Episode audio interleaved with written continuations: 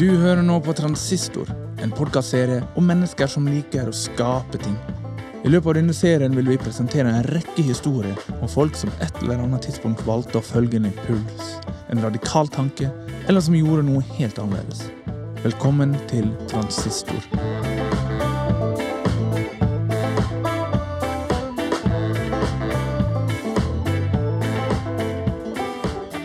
I dag har vi en spesialepisode til deg.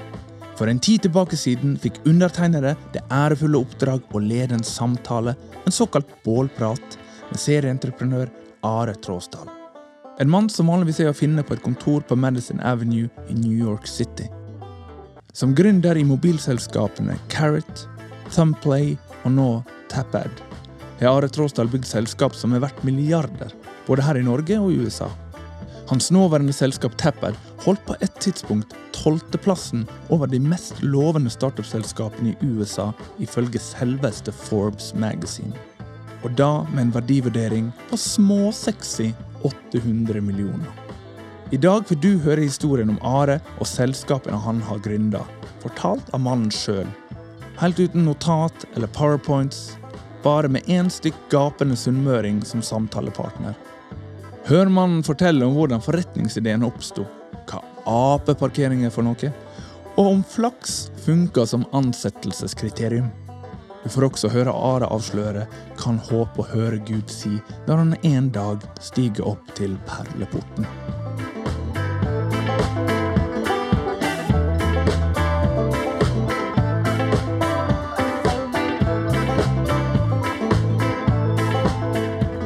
Denne episoden er produsert i samarbeid med Sedge Podkasteria og presenteres sammen med Næringsforeningen i Trondheimsregionen. Mitt navn er Torikar Isaksen, og du hører på Transistor Live. Fra Fannrem til himmelriket.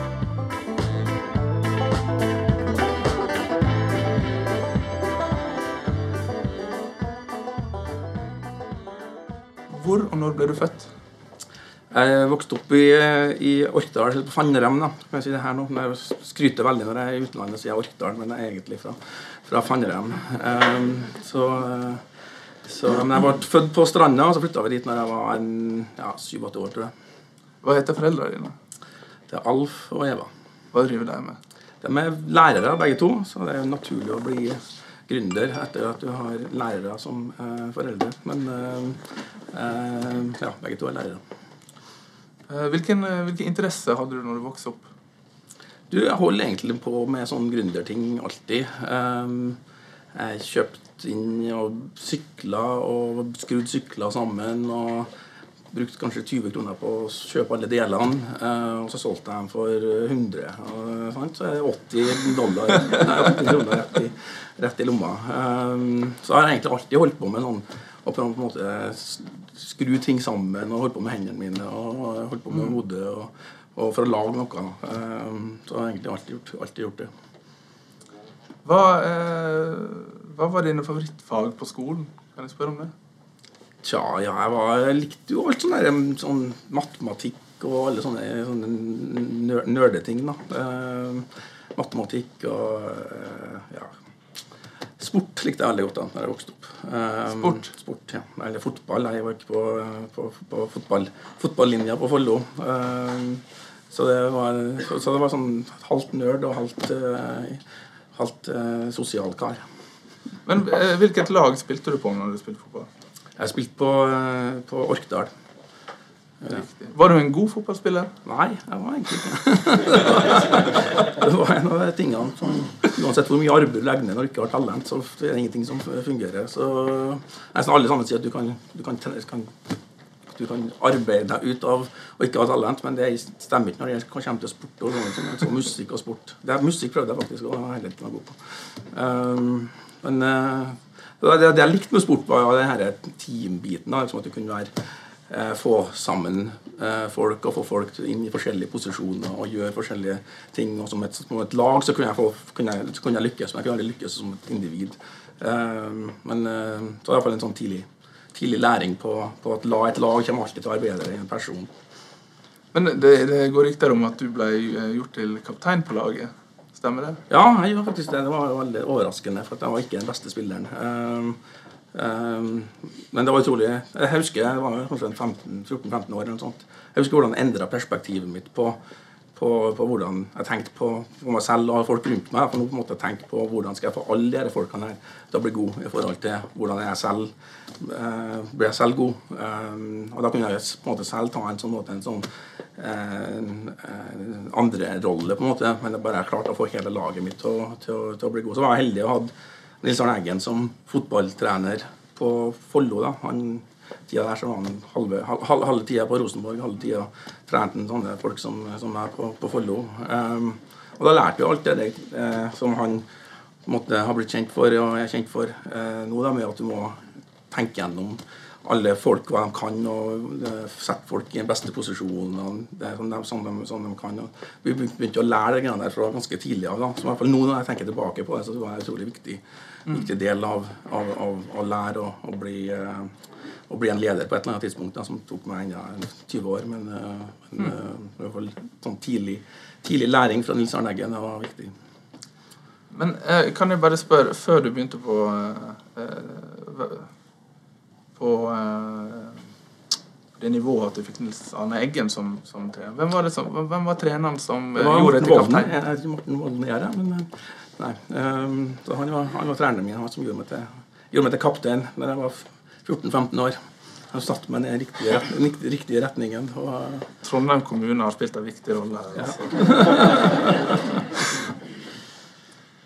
um, hva studerte du på NTNU?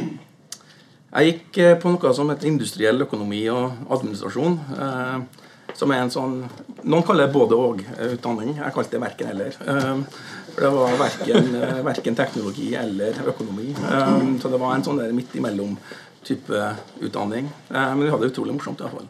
Mm. Men eh, som, som utdanning Ja, det var egentlig faktisk en ganske bra en fin, fin utdanning òg. For at man, man fikk litt, litt, litt, av begge deler. da. Man ble egentlig ikke god på noe. Ja. Så som fortsetter å gjøre karrieren min og ikke bli god, være god på noe. Husker du hvor du bodde når du studerte her i Trondheim?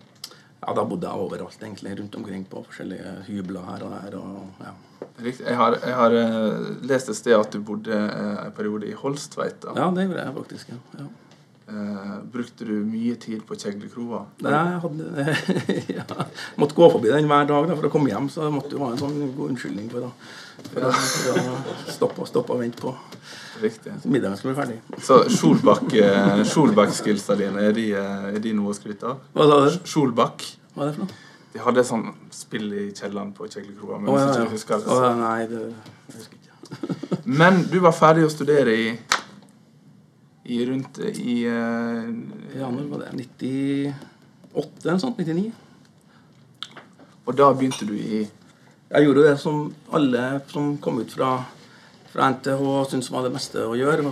Som å bli uh, management consultant. Så du jobber med strategi og sånt for, for, for uh, å, å skrive skrive store, eh, store, store, regninger hver eneste måned uten at du faktisk gjør noe som helst. Eh, eh, så det var karrieren min fra starten av.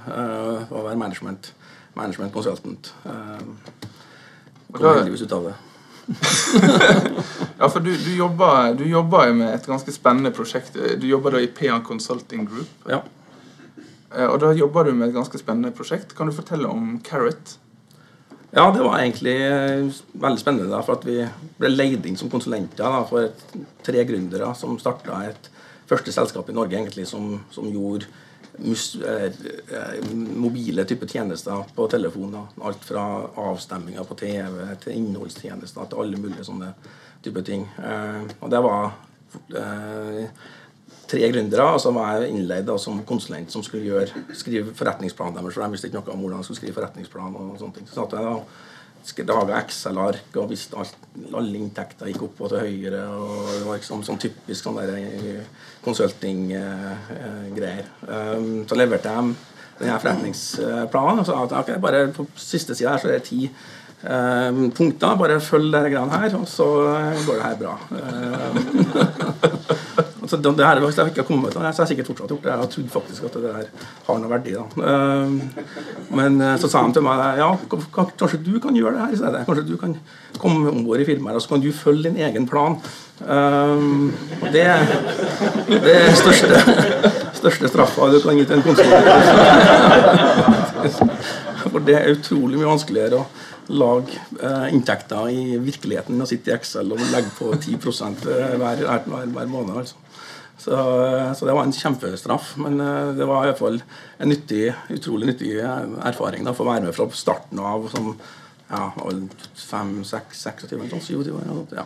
Og, og ble ble da leder i en av avdelingene som var helt fullstendig feil ansettelse. Men uh, det var i hvert fall utrolig interessant og bra for meg. um, for da fikk jeg være med og bygge et firma som noen andre hadde ideen rundt. Uh, men da fikk jeg være med selv da, og, og, og, bygge opp det der, som var utrolig, utrolig spennende. Jeg bygde jo inntil en ja, over 150-200 millioner kroner i omsetning eller noe sånt. Eh, vi hadde mye tap i tillegg òg, jeg snakker ikke så ofte om dem. Men, men, uh, men vi fikk iallfall den her til å, uh, å, å begynne å, skallere og begynne å, å, bli faktisk et firma. Så det var interessant. En av, en av eierne i Carrot var Telenor, eh, Mobil Interactive. Og de spurte deg om å, å gjøre en jobb med å, å eh, kommersialisere denne løsninga i et annet land. Telenor. Ja, det, så, uh, Telenor spurte om vi kunne da komme og gjøre akkurat det samme, um, men gjøre det et annet, et annet marked. Um, som de da sa ja, vi tenker kanskje de skulle gjøre noe i, eh, i USA. Eh, jeg hadde aldri vært i USA eh, før, så jeg sa at det høres ut som en kjempegod plan. altså, det her har jeg, det her har jeg kontroll på. så ingenting, ingen bekymring. Så reiste vi faktisk over. Da starta det firmaet. Eh, og reiste over og, og ble mottatt eh, ja, du, eh, være- i USA er umulig, nesten umulig eh, å komme uten noe erfaring til USA og starte start noe i en bransje, en telekom-bransje, hvor du må få med deg mobiloperatører på å gjøre noe som de aldri har gjort før. Eh, de måtte åpne opp bildingssystemene, sånn at vi kunne faktisk eh, putte charges på, på telefonen. Sånn alle sånne ting som mobiloperatører ikke har noe lyst til å egentlig gjøre.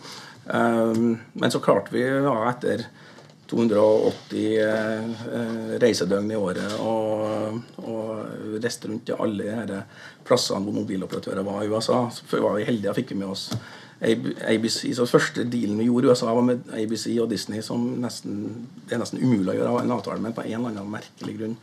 Eh, klokka fire om natta nede i New Orleans så fikk vi dem endelig til å signere på eller i hvert fall bli enige om at vi skulle signere på den avtalen vår. Um, og så tok vi med oss dem da, tilbake til alle mobiloperatørene, og så ble det faktisk et firma ut av det. Så det ble førsteland i USA som, som, som fikk alle mobiloperatørene med på, på å, å, å, å gjøre noe innenfor mobile tjenester.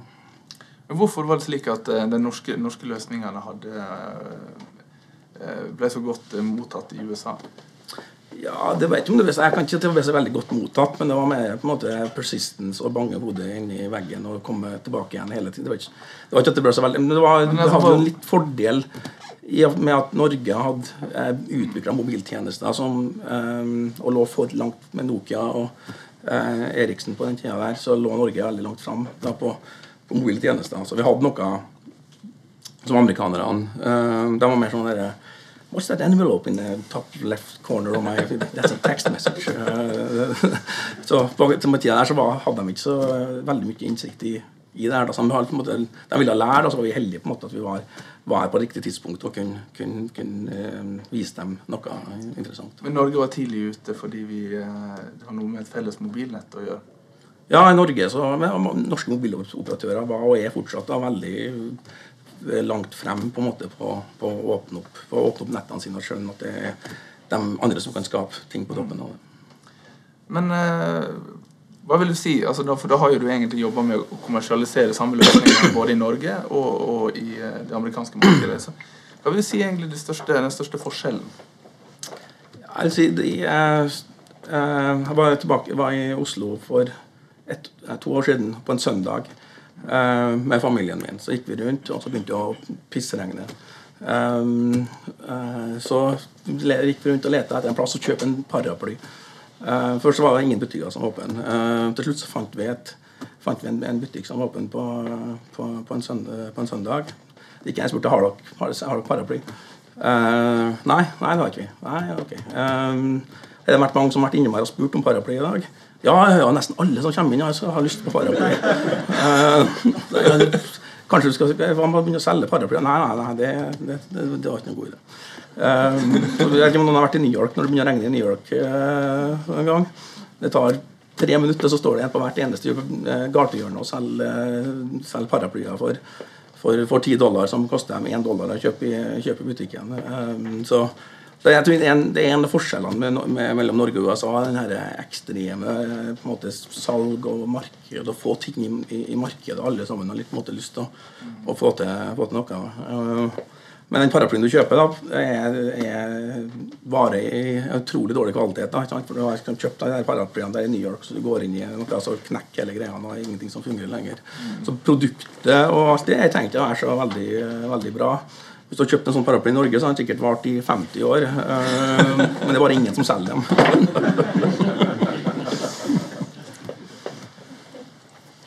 Jeg har lyst til å eh, gå videre eh, til Tumplay. For i var, var, det i 2003 eller var det i 2004? Mm, vi starta det. Ja. Det tror jeg var litt senere. 2006. 2006. Ja. Riktig. Det her er hullene i tidslinja mi, som vi snakka om. Men hva skjedde? Overgangen fra Carrot til Tumplay? Ja, det vi så, da, var at uh, at uh, vi kunne begynne å skape et marked, eller bygge noe i USA rundt, rundt uh, innholdstjenester på mobil. Eh, mobil da. Og da eh, starta vi det med fire-fem personer og ja, 200 000 dollar i, i, kapital. Mens alle konkurrentene våre hadde 20-30-40-50 millioner dollar i, i, kapital. Så vi var en knøtt bitte lille utfordreren, for å si det sånn. Men så hadde vi noe som vi syntes var var unikt med hvordan vi hadde satt opp det. Um, men jeg fikk egentlig aldri, aldri bevisst det, for jeg hadde aldri nok, nok, nok kapital. Um, så vi reiste rundt og, og prøvde å hente, hente, inn kapital for det firmaet i, i, i USA. Men jeg fikk bare nei, nei, nei, nei, rejections uh, hele, hele tida. Um, men så endte vi, endte vi faktisk opp med å ha igjen ja, 100, 100 000 15, 50 60 000 dollar uh, hadde vi igjen. Um, og da var det var akkurat nok til én lønning. Uh, så tenkte vi ok, hva gjør vi, hva, gjør vi, hva gjør vi, med det her nå? Jeg kommer til å gå konkurs om 14 dager akkurat. Um, så tok vi de pengene og satsa alt på markedsføring. Uh, så i løpet av to, nei, ti dager da, så Eh, så fikk vi, gikk vi fra null kunder til 1000, slutt, slutt 1000 kunder. Så ringte vi opp alle ventureselskapene og sa at herregud, det her går jo til himmels. Eh, for da hadde vi, kunne vi faktisk bevise at det her fungerte, og det gjorde vi faktisk òg. Vi hadde lavere kundeakvisjonskostnader enn alle andre. Vi liksom, så vi fikk på en måte lite Lite, lite, lite, lite, case, men fikk vi vist at det her fungerte. og så fikk vi henta inn åtte eller ni millioner dollar akkurat kom pengene kom inn på en, en, en torsdagskveld, og så var lønningene uh, ut på fredag igjen. Så, så. Men uh, hva, hva, var det Tom, Tomplay leverte? Et alt sånn innholdstype ting på mobil. da. Um, så den på en måte Det begynte starta jo i USA rundt den tida der, da. Um, så vi leverte alle mulige slags sånn tjenester. Etter vi henta en kapital, så vokste vi jo fra fra null i omsetning til 100 millioner dollar i omsetning på to og et halvt, tre år. Um, så det var jo morsomt å være sånn first time CEO i et firma som vokste ja, til 700-800 millioner norske kroner på to og et halvt, tre år. Uh, så det var en ny, ny, interessant erfaring. Det er ikke annet enn imponerende. Men den 29. juli 2007 skjedde noe. Hva var det? 29. juli 2007. Oi, oi, oi. oi. Bra eller dårlig? Det er jeg ikke helt sikker på. Jeg tenker på, eh, på eh, Steve Jobs. Å oh, ja, ja. ja. iPhone, ja. iPhone kom ut. iPhone kom, ja. Mm. Hvordan påvirker det Det var faktisk akkurat da jeg solgte. akkurat, akkurat da jeg solgte ut av, av eh, Jeg solgte iallfall deler ut av firmaet. Var, ikke, fordi jeg var så veldig flink på timing, men, men eh, da hadde jeg jobba i 90-100 timer i veldig mange år, så eh, var det på tide å få, i hvert fall, få solgt ut litt. Grann. Eh, men det endra en hel bransje, ja, som eh, Det er kanskje den retningen der det vil gå. Så det, mm. hele bransjen eh, ble på en måte endra og endra. Og, og du fikk plutselig en telefon som du kunne gjøre mye mer avanserte, avanserte ting på. Som det tok oss og en, hele bransjen på en måte en ganske lang tid på å, å finne ut av. Men det er det som har vært på en måte grunnen, eller det som har vært eh, årsaken til at det neste firmaet jeg har gjort, har eh, etter hvert fått suksess. Men eh, det, det er en utrolig bra ting for bransjen at det skjedde. Men det måtte jo også ha vært en ganske, ganske skummel ting, for det utvida jo mulighetsrommet, og alle de løsningene som, som var levert fram til det tidspunktet, ville jo virke utdaterte ganske fort. Ja, ja, ja nei, det var det var helt sånn plutselig, I alle bransjer kommer noe inn fra sida plutselig. Um, jeg tror folk som har vært i bransjen lenge, da, noen undervurderer det. Og jeg undervurderte iallfall. Um, Du undervurderte Undervurdert? undervurderte hvor stor effekt det kom til å ha, og hva det kunne gjøre med det, og liksom hvordan det påvirka hele, hele bransjen. Um, eh, men samtidig så var det en accelerator da, for alt det nye som vi um, nye produktene som vi hadde lansert og som vi hadde lyst til å gjøre, som vi aldri kunne gjøre på de gamle, gamle telefonene. Um, men jeg var jo fire ja, tre-fire år. eh, Tallene mine er riktige her? Nei. Eh, Tre-fire år inni her allerede, så da begynte jeg å på en måte personlig å begynne å bli ganske sliten òg. Så eh, på et tidspunkt der og eh, begynte jeg på en måte å trekke meg ut av, av, av noe av det. Så. Ja, for i, i den eh, du, du trakk deg litt- tilbake i, i selskapet og tok en litt mer tilbakeholdende tilbakeholden rolle i, som, som styremedlem, stemmer ikke det? Ja, jeg hadde jo Jeg fikk jo eh, fam, eller familie og fikk mitt første, første barn da, i 2009. Um, og da var det egentlig på tide å begynne å, å slappe av litt grann mer. Uh, og da kunne jeg faktisk ta, ta litt fri og være sammen med, med barna mine. Som jeg har vært utrolig takknemlig for at jeg kunne, kunne få gjort. så. Og du solgte det også, u, eh, solgte det også ned i selskapet.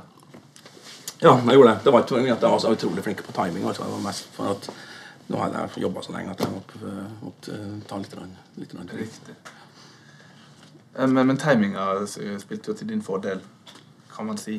Eh, For, men eh, kan vi snakke litt om bare hva som skjedde med det selskapet videre? For i, eh, de gjorde jo en endring i forretningsmodellen sin. En ganske stor strategisk omlegging. Kan du fortelle om det?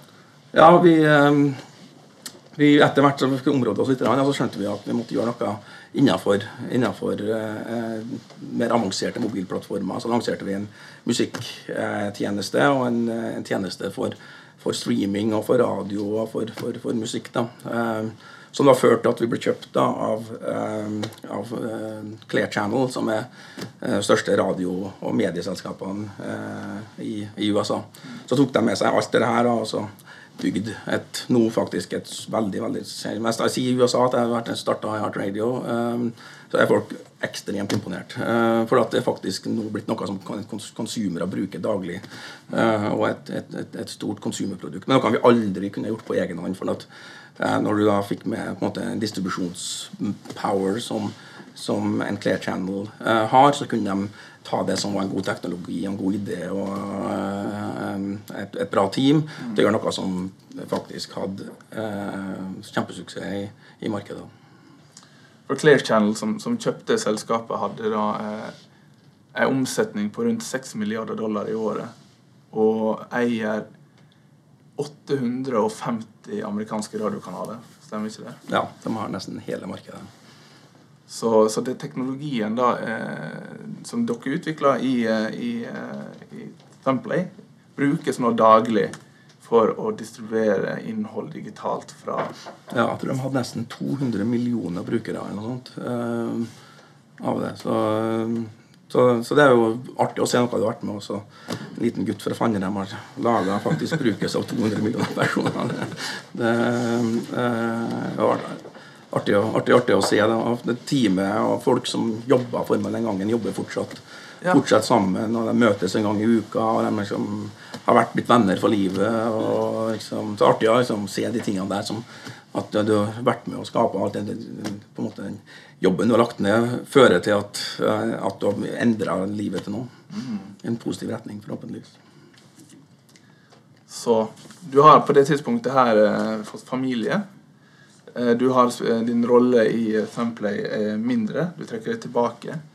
Og jeg har lest et sted at du tok det, det du sjøl refererte til som en tenkepause.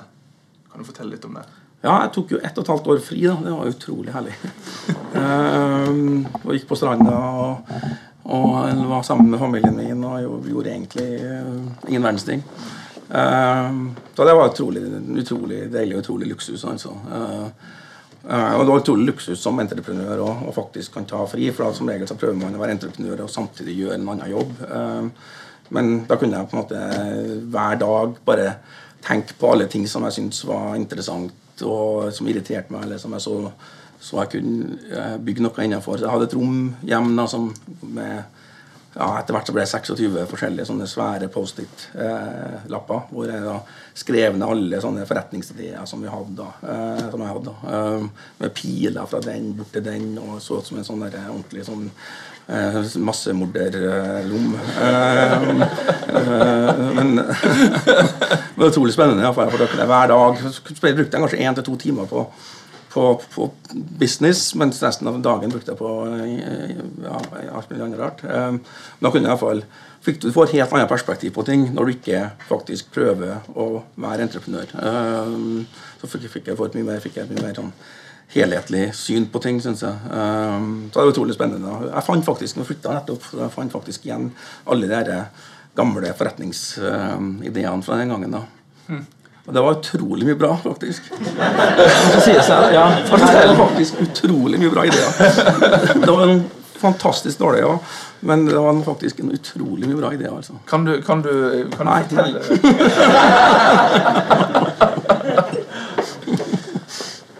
Jeg, har jo, skal jo, jeg er jo bare 40 år, så jeg skal jo fortsette å bygge firma fremover. Så kan jeg bare ta ut fra det her, Så nå har du- arkivet med bare kun gull i. Eh, Det høres bra ut. Jeg tror de fleste av oss kan, kan eh, forestille seg at det må være en behagelig ting å bruke ett og et halvt år på å tenke hva man har lyst til å bruke framtida på. Også om, selv om man, kan, om man innreder et rom fullt av med tavler og hele denne tietterforskerstilen virker veldig som en attraktiv tanke. Men Consumer Electric Show i 2010, hva skjedde da? Ja, da, Først begynte kona mi å si at nå er det på tide at du kanskje kommer tilbake på jobb. Eh, så da begynte jeg å bli motivert for å liksom, gjøre noe igjen. da. Eh, Det var to, to ting samtidig. Det ene var at eh, alle de her, ideene i det her rommet var på en måte de, de ideene jeg begynte å synes var dårlige, var de som var sånn der, en mobil versjon av noe som har skjedd på en computer først. Det var liksom en mobil Lag en mobil Facebook, for eksempel. Ja, det kommer kanskje Facebook til å gjøre. Men det hadde ikke vi gjort den gangen på den, det tidspunktet. Så veldig mye av ideene som ikke var gode, var sånn der, en sånn mobilversjon av, av noe som har skjedd på nettet. Um, uh, så det var det ene på en måte som, uh, som var en sånn litt sånn åpenbaring, var at jeg skjønte at det var uavhengig av hvilken plattform det var, så er det bare én person du skal på en måte eh, eh, markedsføre til eller komme til. Eh, det andre var på CES. Show, jeg vet ikke om jeg har vært på det i Vegas like etter nyttårs, nyttår hvert år. Men eh, Hvor alle elek elektronikkprodusentene kommer og viser fram produktene sine. Så da så vi liksom store TV-skjermer, og vi så små mobiltelefoner. Og liksom jeg sto foran alle de skjermene eh, og tenkte for på en måte for en markedsføringsside da. Eh, bak hver av de her vinduene, på en måte store, store små, og mellomstore skjermene, så var det et eget måte, ekosystem av, av selskaper. Eh, alle fokuserte på meg som en mobilconsumer. var kanskje en sett med, med, med selskap, så var det andre som fokuserte på meg som en computer-consumer. Så alle gjorde den, gjorde den feilen som jeg egentlig var um, i ferd med å gjøre. var å tenke på det her som en, en løsning på én en particular screen. Men mens jeg, det var faktisk bare én, jeg var bare én person foran alle disse skjermene. Så da fikk jeg en sånn, litt sånn åpenbaring om at la oss løse det for personen istedenfor å løse det for uh, en person på én skjerm. Um, så det var liksom inspirasjon til, til firmaet. Og så kom vi tilbake og da begynte å bygge, bygge, bygge, bygge teknologi rundt det. Og det her ble jo da eh, selskapet Tappad. Kan du fortelle da om helt sånn konkret sånn, hvem, hvem, er kunden deres, og hvilket problem er det dere løser for dem? Ja, Vi jobber med, nå med 150 av de største eh, selskapene i USA. Så mm. Amex, Citibank, Bank of America, Chase, Verizon, AT&T, Sprint, T-Mobile nesten alle, alle de store eh, annonsørene eh, i USA. Og problemet de har hatt alltid, Det er mange problemer innenfor den industrien. der. Ene er at det ikke har vært noe teknologi innenfor den bransjen der i det hele tatt. Så alt har vært to stykker som møtes til en lunsj, og så er det 100 millioner dollar som har bytta penger over en lunsj og fem martinier. Uh, uh, men så det har ikke vært noe, på en måte, noe, noe teknologi rundt annonsering. Altså, det, var, det ene vi, ene vi så.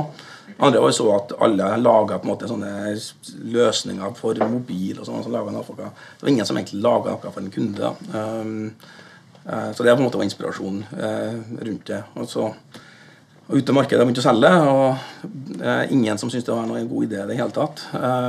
første... Ja, hvor mange møter var dere i? Nei, vi, nå, Etter det her har jeg faktisk på en tid jeg har faktisk bygd et firma hadde ganske gode, godt nettverk og, og litt av et brand. Eh, og, men til og med med det så hadde vi iallfall 2500-3000 dører som eh, slengt i ansiktet. altså. Eh, så, eh, men det, jeg tror det, det ettersom når man har gjort filmer flere og flere ganger, så skjønner man at det, måte, det er en utrolig del av prosessen. da, at, at du, Hvis man skal gjøre noe nytt, så er det faktisk en helt det, det, det er ingen som syns en god, ny idé er en god idé, uh, som regel. Um, sånn at uh, Så det er på en måte en del av, en del av prosessen. Mm. Det, er ikke, det, er ikke, artig for det, men det er en del av prosessen. men uh, hvem er Sprint? Ja, etter alt det alle all, motgangen og alt, så fikk vi faktisk en kunde som er Sprint, som er en av de største telekom-selskapene i USA, til å bli kunden vår. da, som ga oss 50 eller 100 000 dollar eller sånt, en test. Bare som en test. Jeg tenkte at det er et marked med ganske mye penger i. Coca-Cola ringte oss i forrige uke og ga oss en 1 million dollar som en test. Bare se om det her fungerer. Um, um, så, men, men uh, Så det ble på en måte gjennombruddet vårt. da. Så, så, igjen så er Telekom som på en måte redder meg ut av alle sånne problemer og situasjoner. Men men Sprint ble den første, første, kunden vår.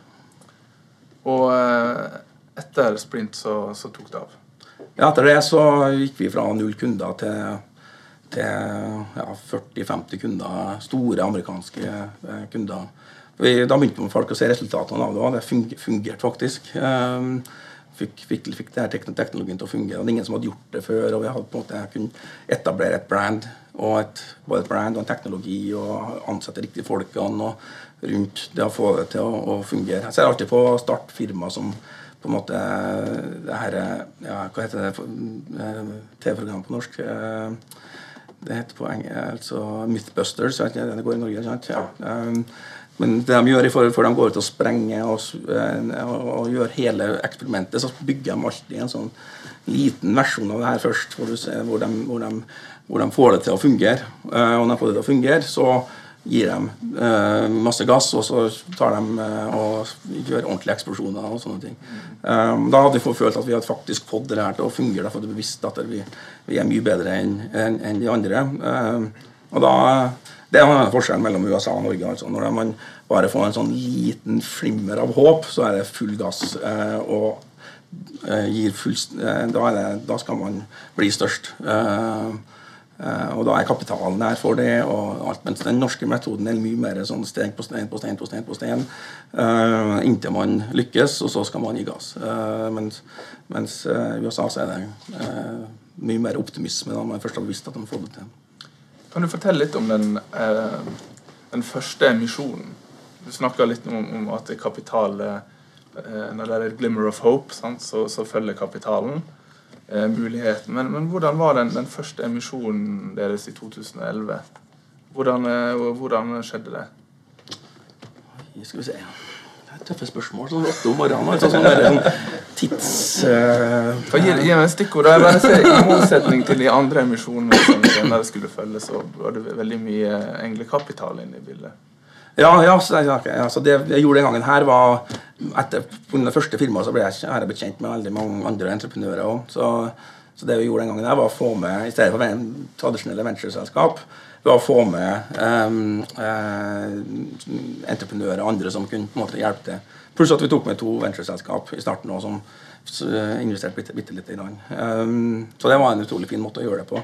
Pluss at ventureselskapene som ble med fra starten og lærte om firmaet. Og, så hver gang vi hadde gjorde en emisjon etterpå, så var de først uh, var de på en måte de som hadde mest informasjon og kunne uh, betale det høyeste. Eller, det var ikke akkurat det, faktisk, det som var årsaken til at vi gjorde det, men de hadde i hvert fall mer innsikt i firmaet, så kunne de bli med uh, etterpå.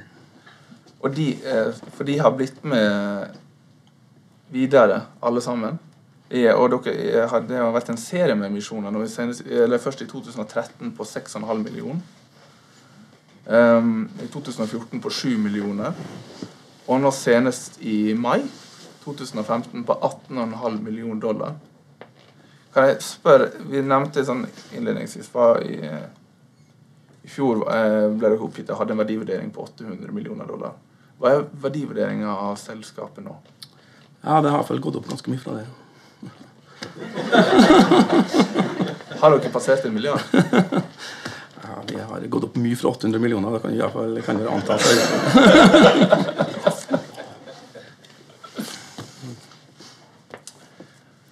um, dere har i dag For dere har jo vært inne i en voldsom ekspansjonsfase sant? Med, med kapitalinnhenting og i dag har dere kontorer i New York City, Atlanta, Chicago, Dallas, Los Angeles, Miami, San Francisco, Frankfurt, London og Toronto. Har jeg glemt noen? Nei. Eh, når åpna Trondheimskontoret? Vi vurderer faktisk å åpne i Skandinavia nå, da. Eh, I løpet av, løpet av året. Så ja, gjør gjerne det. Det er vakkert, vakkert, vakkert å være her. Kanskje jeg kan åpne Trondheimskontoret? Eller Fannremskontoret, som det var.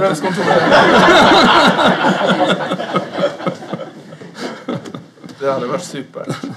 Men hvordan ser 2015 og 2016 ut nå for, for Tepped? Hva er, hva er de viktigste strategiske utfordringene?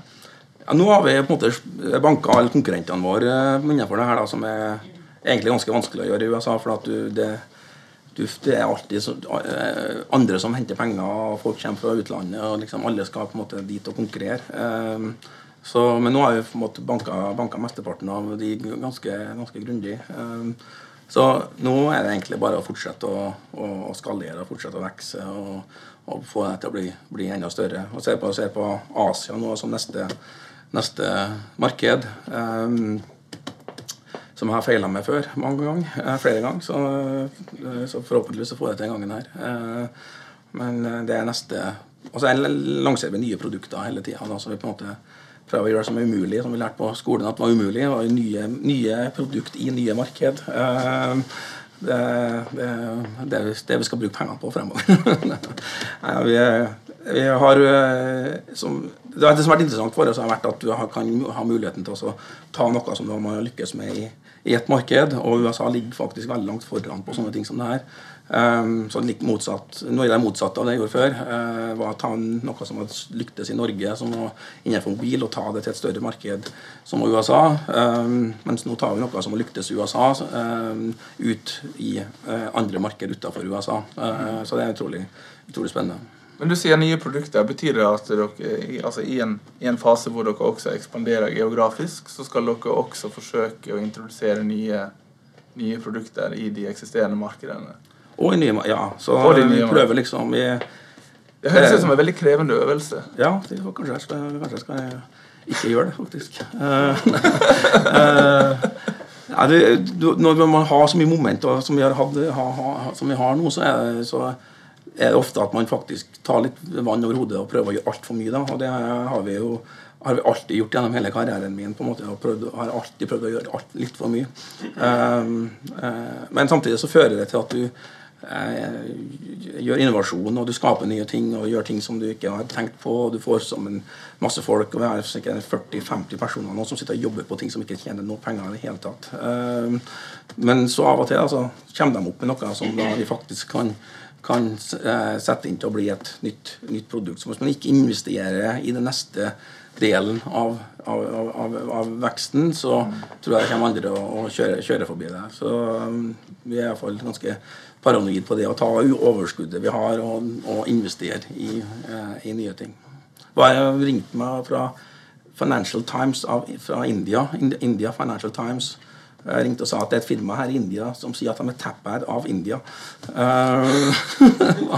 hva, har du noe, har du noe, hva har du å si til det? Uh, så, men det altså, at Du kan ikke holde på å leve selv om vi har det lykkes i, et marked, så kan du ikke holde på å sove her og la tapper av India bli det største India. altså Det har ikke noe interesse okay. Uh, jeg las i et intervju med deg i New York Times eller, det var et veldig veldig spennende og, og, bra intervju gjort av en veldig god journalist. Han, eh, der nevnte du noe som, som jeg må nesten bare spørre deg om. Monkey parking, eller apeparkering på norsk. Hørtes faktisk enda bedre ut på norsk. Det gjør det, ja. Hva er det for noe? ja, det, det, er altså um, det, det han spurte om, da, var, liksom, var den første management når du først ble manager, hva var feilene du gjorde? Um, og det var rundt det her med apeparkering, eller monkey parking. med at når du, Noen som jobber for deg, så de, har de alltid en uh, apekatt på skuldra. Noe som er et problem eller et eller annet som de vil at du som sjef skal eh, løs for dem. Så hvis du sitter på kontoret og alle sammen kommer inn med apekattene sine, og du kommer ja, det skal jeg hjelpe deg med, ja, det er ikke noe problem. Nei, ja, ja, ja, det, ja, nei, det går bra. Ja, nei, det skal jeg fikse, her er sjefen din. Sant, sant, så jeg skal ta vare på det. Så hvis du da prøver å ta alle de her apekattene som kommer inn eh, på kontoret, så får du hele kontoret fullstendig fullt av apekatter eh, etterpå. Og det er ikke noe bra. Um, så det jeg prøvde å, så, så det som jeg satt som min min, min, min, regel da, etter hvert når jeg begynte å skjønne her, var at alle som kommer på kontoret mitt med en apekatt, skal ha med seg en apekatt ut igjen når de går. Eh, så jeg kan hjelpe dem med på måte, å finne ut hvordan de skal, skal, skal, løse problemet, men jeg er ikke den som løser problemet for dem. Eh, eh, som da kanskje i begynnelsen kan høres ut litt sånn som en dårlig sjef. Men, faktisk, men, du er faktisk en mye bedre sjef hvis du gjør det pga. at én, så får ikke kontoret ditt selv fulle apekatter, for da får ikke gjort så mye andre ting. Eh, men nummer to så um, må du empowere de folkene som jobber for dette, faktisk løse, løse de problemene som de er satt til å, um, satt til å løse. Um, og nummer tre, så Hvis de ikke får til å løse dem, så finner du ut at da er det kanskje feil person, eller det er noe annet feil i organisasjonen, eller du kan hjelpe dem med et eller annet. Eh, men ikke, ikke fylle opp kontoret med apekatter. Jeg iallfall gjør dette som alltid nå jeg har, jeg har vært heldig og fått ha veldig mye smarte, flinke folk som, jobber for meg. Men mange av dem er òg uh, first time managers. Og det, det, første, det, største problemet alle sammen gjør som er first time manager, er akkurat det her. Er at de tar alle apekattene ut på kontoret sitt. Godt råd der, altså. eh, Apropos eh, nyansatte first time managers. Eh, jeg har også lest at du bare ansetter folk som har flaks. Ja, klart det. Herregud. Så hvor, hvor, mye, hvor, mye, flaks må man egentlig ha for å jobbe for Are Tråsdal? Du må ha masse flaks, altså. Det er, det, det er viktig. Det er kanskje det er, på lek, Jeg har intervjuet om 2500-3000 personer i året. Eh, nå er det litt mindre, men sånn, i snitt over år så har jeg gjort, gjort det. for at for hvert, hver eneste som får jobb, så er det som regel en 20-30 personer som blir intervjua. Um, jeg har på eksperimentert med forskjellige jobbspørsmål. Da. og et av dem er on a scale from 1 to 10, how lucky are you? Um, og da er det beste svaret Beste svaret er syv. Fordi? Jo, det skal du høre. Det er veldig mye teori bak det her.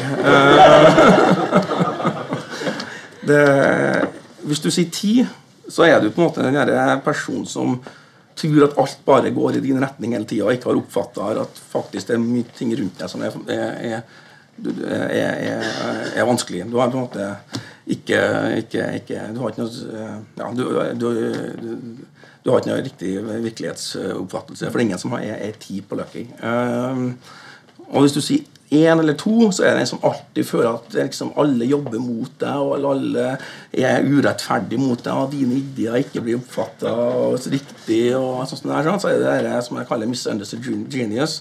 Som er på en måte, alt, alt ting har, ikke gått bra, men det er ikke pga. at du har gjort noe feil, det er pga. alle idiotene rundt deg som har gjort noe feil. Um, så de som er sånn 1, 2, 3-kategorien, uh, det er jo feil. Så syv er riktig svar.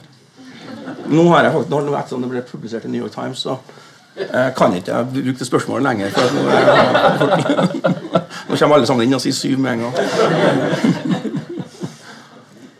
um, du, du, har en familie i Florida, men jobber i New York. Hvordan er det? Det er superfint, det. Så eh, jeg jobber to, to, to, to dager i uka. Nei, jeg jobber mer enn det. Men eh, to til tre dager i uka jobber jeg. Så da er jeg to netter i, i, New York, så da kan jeg fly opp på mandagsmorgenen og jobbe da mandag og tirsdag og halve onsdag. Og så flyr jeg tilbake igjen, så får jeg fem netter i, sammen, med, sammen, med, familien. Eh, det er fortsatt jobbe da òg, altså. Så, men men da jobber jeg liksom, jobber annerledes. Så etter hvert skjønte at hjernen min må skrues av og på. Uh, for når det er på, så er det 100% på. Så, så, det, det, så da når jeg kommer til Florida, så skrur jeg hjernen av litt. Uh, men det er faktisk da de største Ikke at jeg har løst sånn veldig mye store problemer i livet mitt akkurat, men uh, musikk og annonseringstjenester. Jeg, akkurat, jeg har ikke akkurat kommet opp med så, så veldig mye store ting. Men, men når du slår hjernen av, så, og du har tenkt hardt på et problem, så, så løser du faktisk mye, mye, vanskeligere problem når du ikke tenker på dem direkte. har jeg realisert. Så alle tingene vi har hatt som vi har på en måte kommet opp som har vært eh, nye ting, har skjedd på eh, stranda i Miami Beach med barn som leker, leker rundt meg. Det skjer ikke på kontoret når jeg sitter i New York og bare sånn, prøver, prøver, prøver, å løse, øh, løse ting. Så det er iallfall det som er unnskyldninga mi for um, Da jeg ble spurt om å, å gjøre det her, eh, det her bålpraten, Are, så tenkte jeg at eh, det her er min eneste mulighet til å kjøre Bernard Pivots berømte spørsmålsrekke perfeksjonert av eh, James Lipton. Så hvis det er greit for deg, så bare kjører vi i gang. Hva er ditt favorittord? Ja. Hva er ditt uh, minst favorittord? Nei. Hva gjør deg gira? Eller 'what turns you on', som amerikanere ville sagt. Turns you on på ja, Jeg kan jo ha veldig mange forskjellige meninger på det. Kan det. um, Nei, det som jeg egentlig har, noe som jeg kan kalle aspirasjonsskap. Aspirasjonsskap? Ja, rett, rett, oversatt fra engelsk. Men det er når en person eller team eller har en stor det er stor eh, forskjell mellom hvor de er hen, og hvor de vil som team har bestemt seg for de skal hen. Uh, det er gapet mellom det, du, hvor det nivået du er på i dag, og nivået du har lyst til å, uh, å, å, å, dra til. Da får jeg masse energi. Hvis jeg jobber sammen med folk som mm. har lyst til å gå ut og dominere uh, verden, og, men de er faktisk underdogs og ikke har fått til, eller ikke har fått til det ennå, det syns jeg er superspennende. Ja, what turns you off? Ja. Eh, Bortsett fra å ha mye uflaks. ja. Eh, jeg tror alt sånn, sånn måte, Unnskyldninger for å ikke gi Unnskyldninger turns me off. Ja, unnskyldninger, rett og slett. Excuses. Hva er ditt favorittbanneord? Fuck. Hvilken lyd liker du best? Eh, når jeg kitter barna mine, og de begynner å le. Så det er morsomt. Hvilken lyd liker du minst? Eh, tog. Tog? Som kjører forbi om natta. Oh, ja, sånn. På hotellet som jeg bor på. Hvilket yrke annet enn ditt eget kunne du ha likt å prøvd? Det hadde vært Jimmy Page i Led Zeppelin. Åpenbart. Hvilke yrke annet enn ditt eget kunne du minst, eller har du minst lyst til å prøve? Eh, Det må være noe med skatt og revisor og skatt og noe sånt som blir inni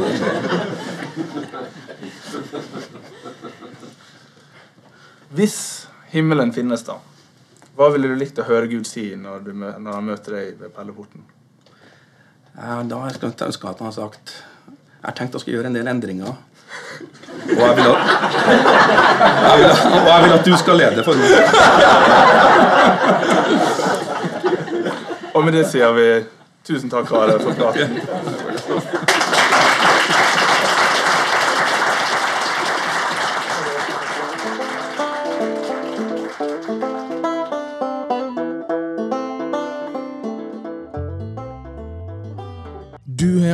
Hørt en episode med Transistor. En podkastserie om mennesker som liker å skape ting. Denne episoden var produsert i samarbeid med Sedge Podkasteria og Trondheim Tech. En stor takk til Are Tråsdal for å ha delt historien sin med oss. Og ikke minst takk til Næringsforeninga i Trondheimsregionen som arrangerte møtet og tillot at vi gjorde opptak. Vi kommer gjerne tilbake en annen gang. Og en stor takk til Jon Anders Lid for musikken.